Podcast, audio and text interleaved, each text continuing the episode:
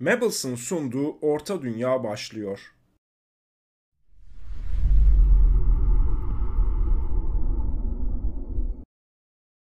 Herkese selamlar arkadaşlar. Orta Dünya'ya hoş geldiniz. Ben rehberiniz Murat Sönmez. Orklar kimdir diye bir video çekince düşündüm ki bir de oturayım Orta Dünya ile ilgili en çok sorulan sorulardan bir tanesi olan orklar nasıl çoğalıyor, orklar nasıl ürüyor sorusuna da bir cevap vereyim.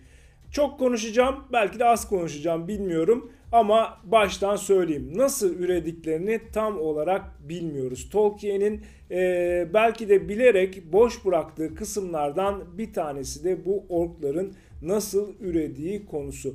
Ama yine de e, bir bakacağız bakalım nasıl olabilir. Şimdi Tolkien'in Hobbit'i, Yüzüklerin Efendisi'ni nasıl yazdığını, nasıl bir süreçten geçtiğini biliyoruz. Hobbit'i yazıyor. Hobbit çok ilgi görünce e, yayın evi de bunun devamını istiyor. Bunun devamına başlarken yani Yüzüklerin Efendisi'ne başlarken ne yazacağı konusunda Tolkien'in hiçbir fikri yok. Bunu daha önce yaptığım bir videoda Yüzüklerin Efendisi'nin bilinmeyenleri adlı videoda uzun uzun anlatmıştım.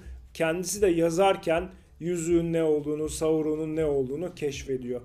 Şimdi o yüzden de Hobbit ile Yüzüklerin Efendisi arasında da bazı noktalarda derin farklılıklar var ki bunu da yine bir videoda Hobbit'te olup da daha sonra olmayan şeyler adlı videoda anlatmıştım. Bunlardan bir tanesi de orkların durumu. Çünkü Hobbit'te arkadaşlar e, orklar ana, baba oğul ilişkisi içerisindeyken Yüzüklerin Efendisi'nde daha sonra Silmarillion'da da dahil olmak üzere Tolkien bunları terk etmiş. Mesela Hobbit'te Bolg var. Azog'un oğlu olarak geçer. Beş Ordular Savaşı'na giden Bolg e, Azog'un oğlu olarak geçer. Azog da daha önce Azal Nulbizar Savaşı'nda cüceler tarafından öldürülmüş bir e, ork kralıdır. Onun oğlu da Bolg'dur. Ama daha sonra Yüzüklerin Efendisi'nde ve Silmarillion'da da hiçbir zaman böyle bir e, ilişki orklar arasında, ork toplumu arasında böyle bir ilişki olduğuna dair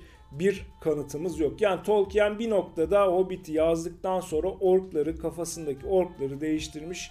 Orkları böyle daha e, sosyal olmayan, toplum oluşturamayan bir takım canlılar haline getirmiş. Aynı zamanda Hobbit'in içerisinde Bilbo Gollum'la tanıştığında Gollum'u anlatırken Gollum'un o karanlık tünellerde bazen genç orkları avladığından bahseder. Genç ork kavramı da sadece Hobbit'te var arkadaşlar. Daha sonra orkların yaşıyla ilgili de gençliği, yaşlılığıyla ilgili de herhangi bir yorum yapmaz Tolkien ki zaten e, orklar nasıl ürüyor, nasıl çoğalıyor sorusunun arkasında yatan nedenlerden bir tanesi de budur. Hiç genç ork yoktur, hiç kadın ork yoktur, hiç çocuk ork yoktur. Bu da orkların nasıl çoğaldığı konusunda tabii ki e, akıllarda soru işareti yaratıyor. Dediğim gibi Tolkien hiçbir zaman buna tam olarak bir açıklık getirmemiş arkadaşlar. Ee, nasıl yürüyorlar? Bununla ilgili sadece Silmarillion'da bir cümle var. O da orkların da diğer e, Ilúvatar'ın çocukları gibi çoğaldığını söylediği bir cümle. Yani bu da ne anlama geliyor? Bütün diğer insanlar, elfler, hobbitler, cüceler gibi onlar da e, kadın ve erkek bir ilişki yaşayarak bir çocuk meydana getiriyorlar.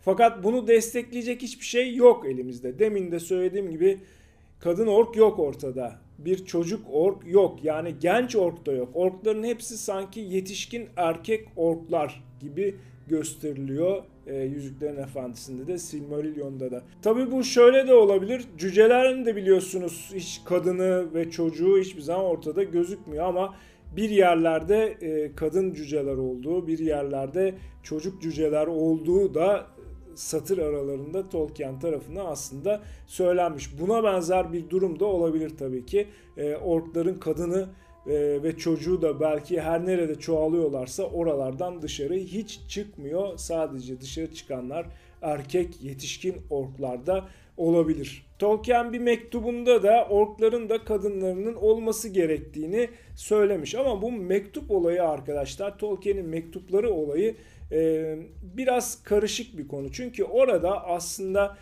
bir yazar nasıl kitaplarını yazar? Aklından bir sürü fikir geçir, geçer. Bu fikirlerden bazılarını gerçekleştirir. Bazıları sadece fikir olarak kalır. Bir olayı anlatmak için belki 10 tane müsveddesini yazar ama onlardan sadece bir tanesini kitaba konur. Gerçek olan o olur. 10 tane de müsveddesi olur. Bu e, mektup olayı biraz öyle. Aslında Tolkien'in orada fikir jimnastikleri jimnastiği yapıyor o mektuplar içerisinde. Şöyle olabilir, böyle olabilir diyor. O da kendisi de karar vermiş. Yani bence mektupları birinci e, derecede kanıt olarak çok fazla görmemek gerekir. İçinden geçenleri söylüyor. Bir yazarın içerisinden bir konuyla ilgili 100 tane şey geçebilir ama onlardan bir tanesi yazılır ve bir tanesi doğru olur.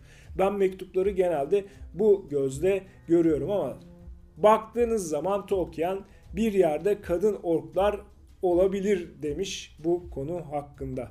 Şimdi orkların yumurtadan çıktığı ya da işte bir şekilde e, yoktan var edildiği konusunda da teoriler var, düşünceler var. Yumurtadan çıktığı konusunda ben hiçbir şey söyleyemeyeceğim. Son derece tabii ki saçma bir durum. Bu biraz da tabii ki Peter Jackson'ın filmdeki yorumu nedeniyle olabilir. Orada işte böyle bir çamur gibi bir şeyin bir kapsülün içerisinden çıkan full böyle gelişmiş bir Urukay görüyorduk.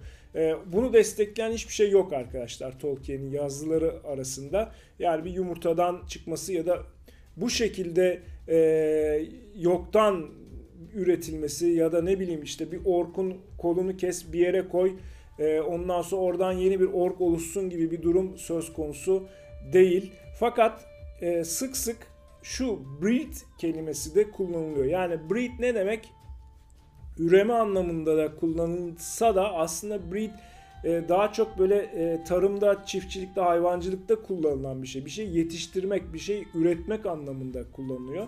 E, breed de çok sık geçiyor orklarla ilgili bir şey tanımlandığında. Yani sanki e, bu master dediğimiz büyük efendiler işte Melkor, Sauron, e, Saruman gibi bir takım e, güçleri olan birisi Vala, diğerleri diğer ikisi Maya bildiğiniz üzere bunlar sanki orkları üretiyormuş, onları yetiştiriyormuş gibi bir anlam var. Tabi e, çiftçilikte de bir at yetiştirildiğinde at yoktan var edilmez. İşte atların çiftleşmesi sağlanır, onların üretilmesi sağlanır.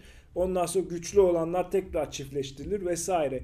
Aslında bunlardan e, bahsediliyor. Böyle bir şeye referans veriliyor. Yani orklar da Melkor, Sauron, Saruman gibi güç sahibi efendiler tarafından bu şekilde üretiliyorlar ya da e, daha hızlı bir şekilde üretiliyorlar. Çünkü baktığınız zaman hep orkların çoğalma vakti efendilerinin güçlü olduğu vakitlere denk geliyor. İşte Saruman da çok kısa bir sürede 30 sene gibi bir kısa bir süre içerisinde bir Urukayı, bir ork ordusu üretebiliyor.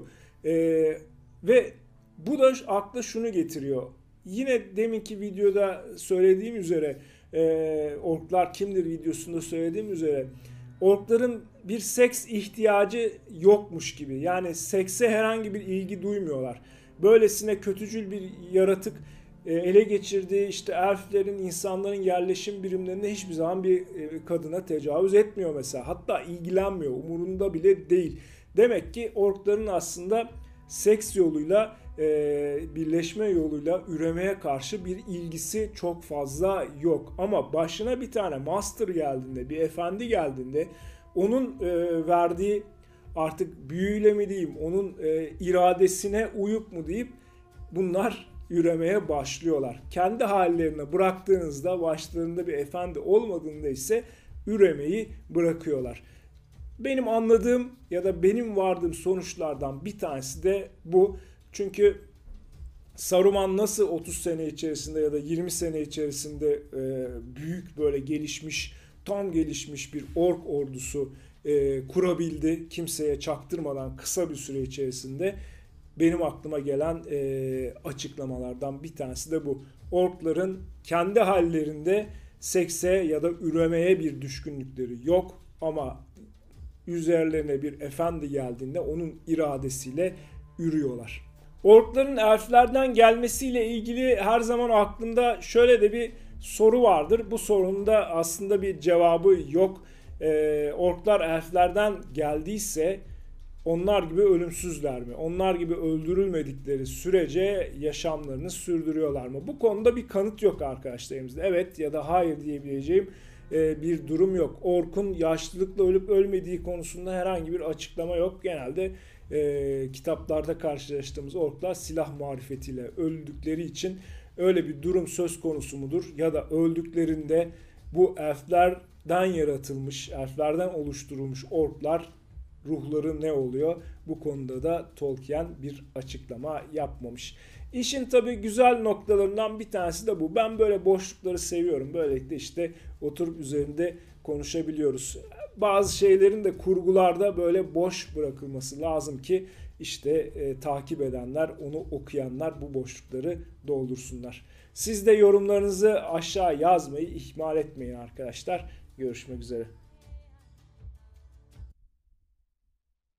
Mabels'ın sunduğu Orta Dünya bitti.